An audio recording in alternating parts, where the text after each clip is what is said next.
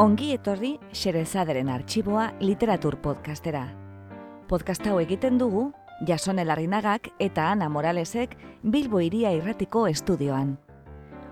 Guk bezala, zuk ere uste baduzu munduan gauza gutxi direla, hain atseginak nola ipuin bat patxada zentzutea, gera zaitez gurekin. Eta prestatu munduko kontakizunik bikainenak euskaraz entzuteko.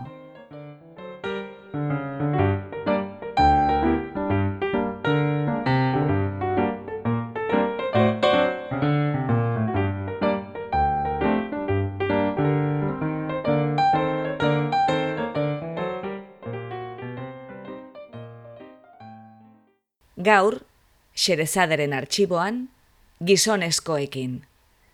Egilea eta irakurle gonbidatua, Xavier Montoya.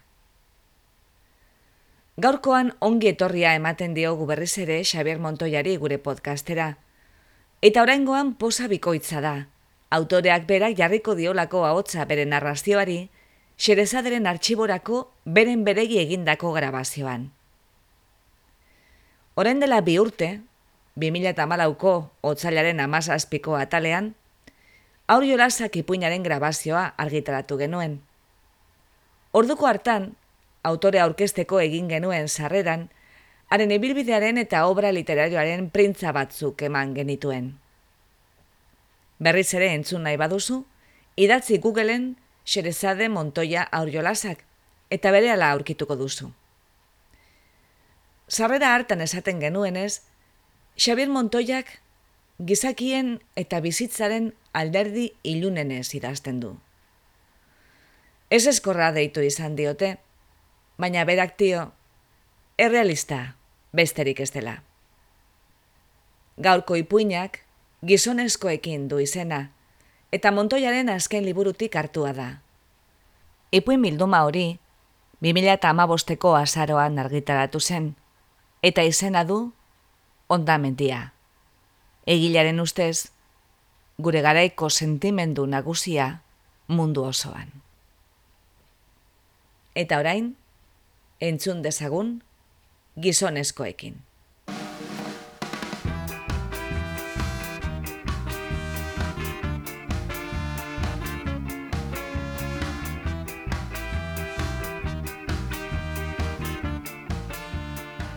Osaba etorri zaizu bila, esan dit maistrak. Postu inaiz. Osaba bat euki nahi izan dut beti, eskolako beste umeek bezala. Aita ere euki nahi dut, baina hartaz galdetzen dio danean, nireken azerretu eta isiltzeko eskatzen ditamak. Eta horregatek ez naiz ausartzen inongo osaba izebez edo aiton amonez galdetzen. Ongi gaude gubiok esaten dit, ez du beste inor behar. Ez ezagunekin ez hitz egiteko ere esaten dit, eta nik kasu egiten diot. Baina gaur, ezagutu badut ere, osaba ez da ez ezagun bat. Neure izen ez deitu nau eta ikusi orduko.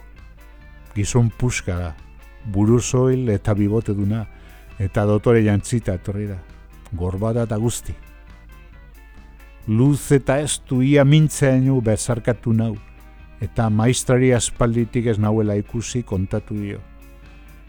Nire io bakutuna, muin egin dit kopetan.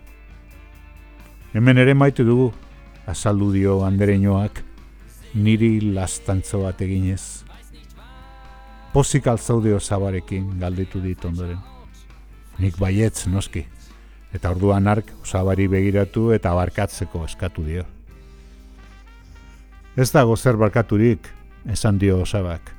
Zu kongi jokatu duzu, irakasle batek jokatu behar duen moduan.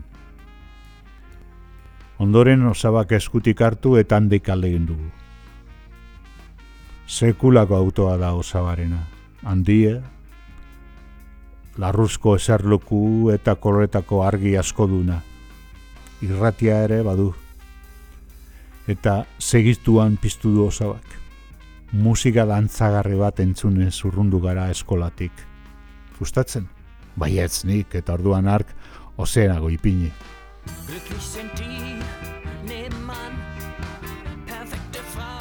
konturatu naizenerako, auzotik irten eta irian barrenagoaz.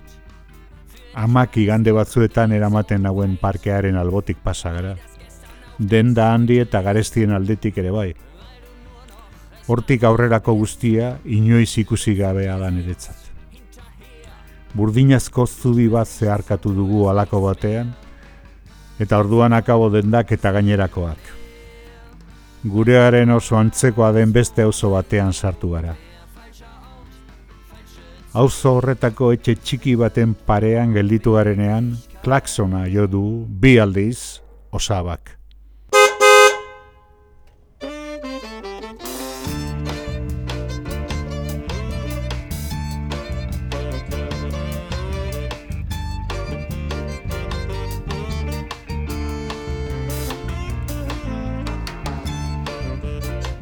Osaba baino gazteago eta asko zile gehiago daukan gizon batek ireki du etxeko atea.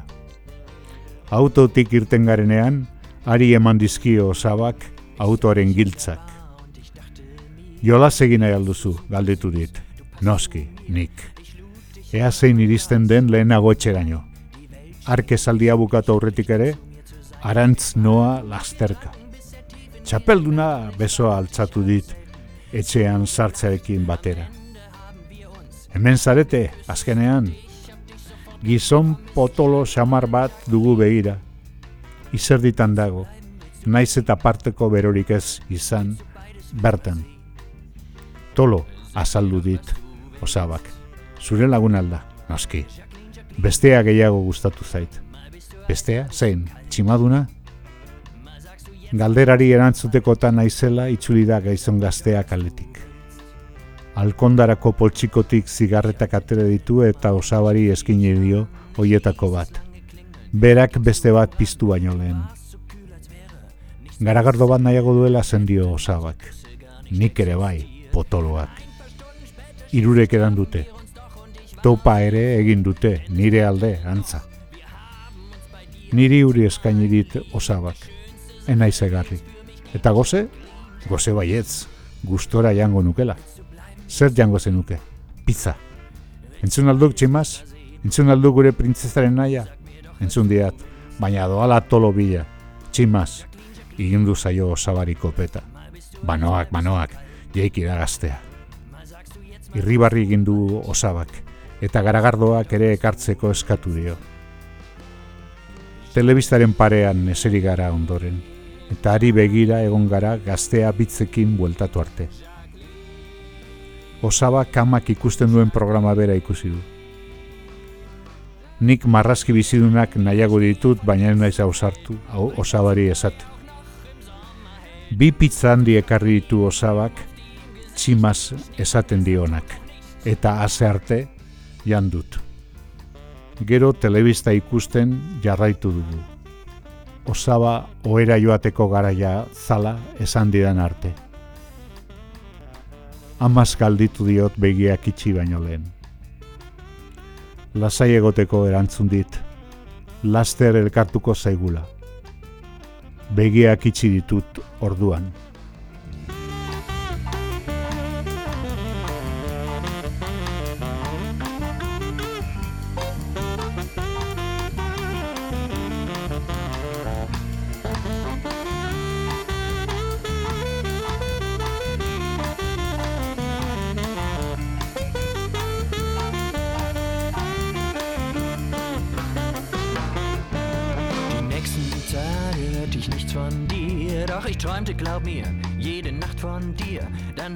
Begia kostera zabaldu ditudanean, denak jarraitzen du esperan bezala.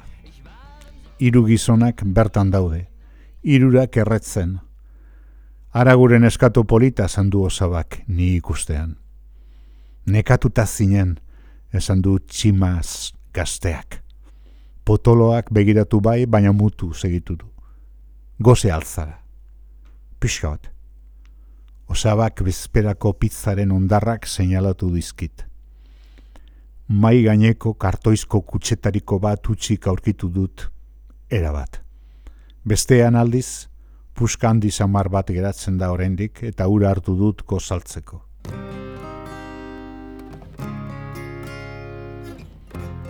berotuko aldizut. Ez nik, ez dudala behar. Oituta nagola hotzaiat.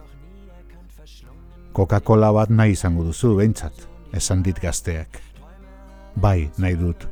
Coca-Cola gozoa da, eta beti nahi izaten dut. Amarekin ere beti nahi izaten dut, eta horregatik galetu dioto zabari, gozaldu eta gero. Laster etorriko da, egon lasai.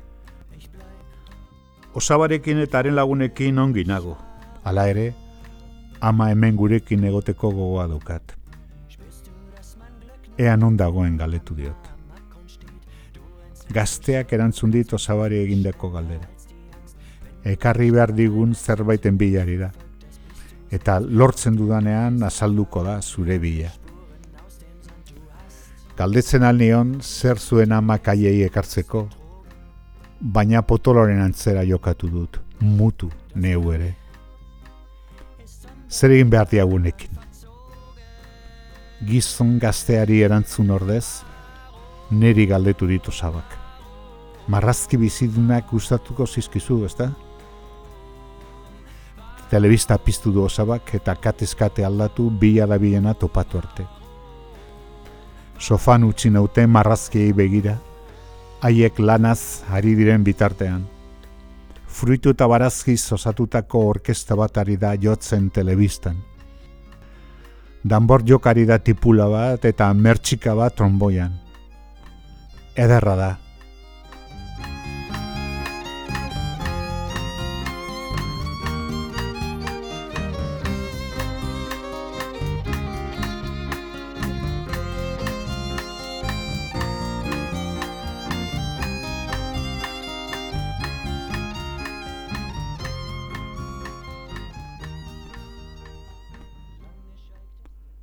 barazki musikariena bukatu denean, planeta urrun batean bizi den zakur familia baten historia hasi da.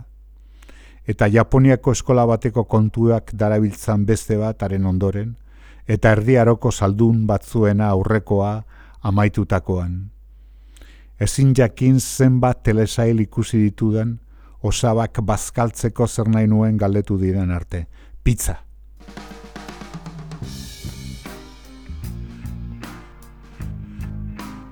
Honekin erreza du gero, pizza eta beti pizza, esan dio osabari gizon gazteak. Gaur toloren txanda duk, ordea. Ez ez potoloak, gazteen ari dagokia da, janari bila joatia. Ez ez gazteak ere, noski, eta alkarri mokoka dira baietzez eta ez ez nor baino, nor egoskorrago ikusten behiratu ditu zabak. Bi aulpro jauek zu baina umeagoak dira. Azkenean gazteak joan behar izan du, bar tarratzaldean bezala. Tximaz, hotz egin dio zabak. Tximaz, ez ekarri pizzak bakarrik, denok ez gaituk hemen umeak eta. Eta kasu egin dio, iruzpalau plastikozko zorro ere ekarri pairitu kaletik bueltan pizzekin batera jatekoak baino gehiago edatekoak ekarri ditu. Botiak dira eta mai gainean jarri dituen gehienak. Baskal ondoan jarraitu dut marrazki bizidunak ikusten. Osabak kate saldatu eta denok berriei begira jarri gaituen arte. Albisten gainean hitz egin eta eztabaidatu ere egin dute, baina egia esan ez diet gauza handirik ulertu eta are gutxiago lurtu diet berriak bukatu futbola hasi eta futbol kontuan aipatzen hasi direnean. Aspertu di naiz. Baina osaba konturatu denean ea pizza gehiago nahi nuen galdetu dit. Eta nola ezaitz esan diodan, eskutik hartu eta oera eraman nau. Lo egiteko garaia dela esanez. Baina ez dut lo egin nahi hitz egin nahi dut. Osabari amaz galdetu, hoize egin dut. Laizter etorriko da, eskizkatu. Noiz baina, laizter. Noiz da laizter. Begira, princesa, amak zure bila etorri nahi du, baina ez du etorri nahi esku utxik. Opari bat ekarri nahi dugu, Olako zehozer. Hori esan da, partida ikustera itzuli da osaba.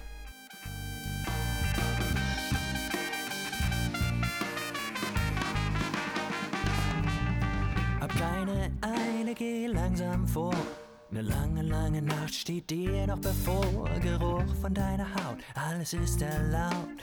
Komm, fass mich an, kein Weg zurück, ich seh dich an. Verstehe deinen Blick, das ist kein Trick. Langsam bewegen mir entgegen. Ich liege auf dir und ich spüre dich ganz. Die Hände vergraben, ich weiß, was du kannst. Osaba deitzen diote osabari lagunek, batzuetan irribarrez.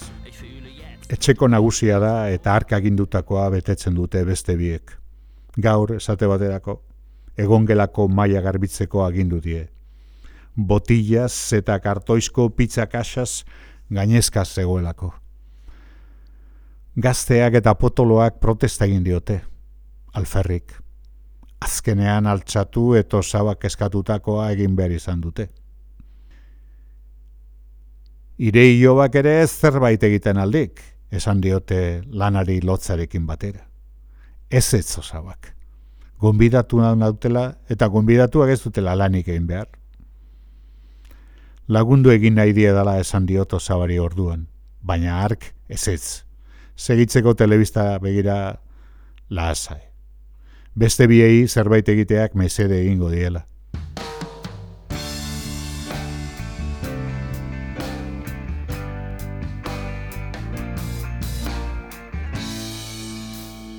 Neuri ere mesede galanta egingo lidake. Aspertuta nago egun osoan marrazki bizidunak ikusten, baina osabak ez ez. Lan egiteko gaztegia naizela. Behar bada lanerako, bai, zangoak luzatzeko ez, seguru. Gustora irtengo nintzateke kalera, pixka batian. Osabari esate ere pasatu zait burutik, baina ez ez erabaki dut luze gabe. Hemen txego nahi dudala ama nire bila asaltzen denean. Arekin egon nahiko nuke. Eta osabarekin ere bai, noski. Irukote egokia osatuko genuke irurok. Ia familia bat. Osabari esan diot. Bai horixe, esan dut, bai horixe. Eta postu naiz hori entzunda. Gizon gaztea eta gizon potoloa ere postu egitira. Berehala hasi dira barrezka. Azokara joango ginateke eta opiak eta pastelak erosiko lituzke amak. Hori dena erosteko diru asko iuki beharra dago, esan dit gazteak. Baietz nik, eta orduan potoloak. Gutxienez, lareun mila euro. Eta nik berriz baietz, naiz eta amak zenbat diru duen ez jakin, eta ura diru faltaz sarrik esatu. Ez egin kasu hauen txorakeriei lastana, esan dito zabak. Amari galetuko diot, datorri nien. Hoiz egin gazteak eta potoloak ia batera. Orduan nik, gaur etorriko alda osaba. Eta osabak, baliteke, eta nik.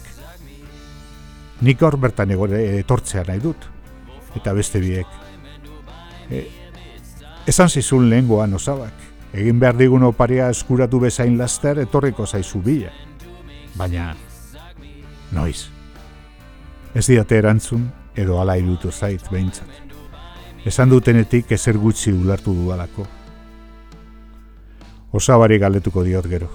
Oera eraman eta biok bakarrik geratutakoan.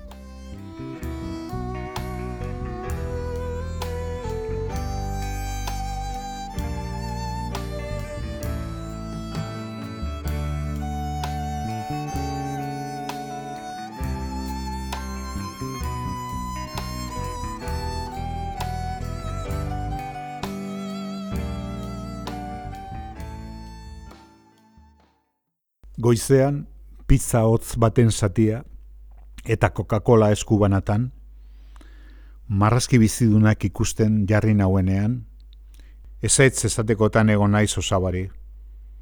Maite dituela marrazki bizidunak pizza eta Coca-Cola maite ditudan moduan, baina nekatu naizela gauza bera egunero jaten edaten eta ikusten. Honez gero, hemen egotea zeren ekatuta nago, egia esan, Osabak eta lagunek ongi hartzen banaute ere, beste zerbait egiteko gogoz nago, batez ere ama ikusteko. Horregatik berritu diot osabari aurreko egunetan egin diondan galdera. Noiz etorriko da ama? Laster bihotza laster, erantzun dit, beti bezala.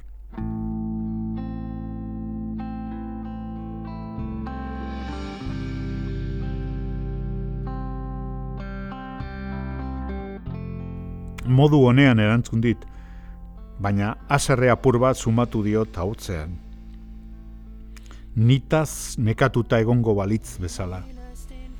Horregatik isildu naiz, eta arreta osoa telebistara ipintzen saiatu, eta nolabait lortu dut.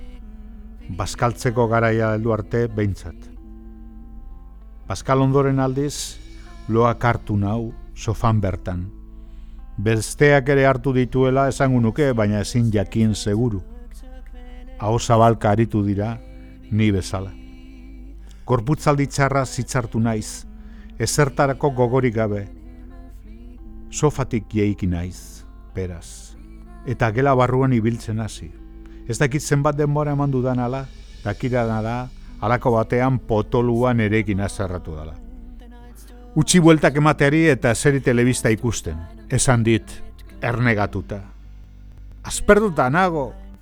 Guztiok gaude aspertuta, sartu da gaztea. Zure amaren zain aspertuta gainera. Gaur etorriko alda. Zure galdere ere aspertuta nago, kokotareño segitu du gazteak. Hoixe gainerotu du potoluak. Osabari begira geratu gara irurokero. Ni ere asperduta nago, aitortu du ark. Asperduta, gogaituta eta nazka nazka eginda. Oraintze bertan egingo nuke hemendik alde. Ze uste duzue? Ba nik ez diat hemen betiko geratu nahi, esan dio gazteak. Nik ere ez, esan dut nik. Aldartea iundu zaio osabari, isil zaitezte guztiak. Isildu egin gara. Osabak izketan segitu du ordea ez gaude oporretan eta beraz hemen geratuko gara denak amaitu arte. Argi aldago. Baietz beste biek. Nik berriz ezin izan dut ezertxo ere esan. Halako batean, estarrian korapio bat sortu zait eta negarrez hasi naiz. Besterik ez genian behar okertu du moturra potoluak. Neskato negarti bat, esan du gazteak isiltzeko esan dizue, tezalduzue aditu. Bapatean, telebista eta nire negarra baino ez dira gelan entzuten. Nire gana itzule da osaba orduan. Eta ioba nauela astu izan balitza jo bezala begiratu dit. Zu ere isildu. Alegindu naiz isiltzen. Alegindu naiz malkoei usten baina alferrik izan da.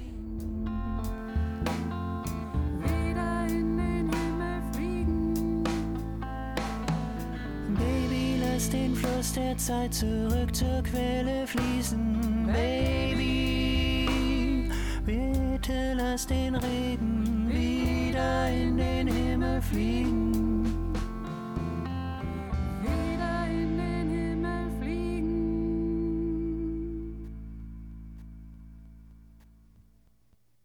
entzun duzu gizonezkoekin. Egilea eta irakurle gonbidatua Xavier Montoya.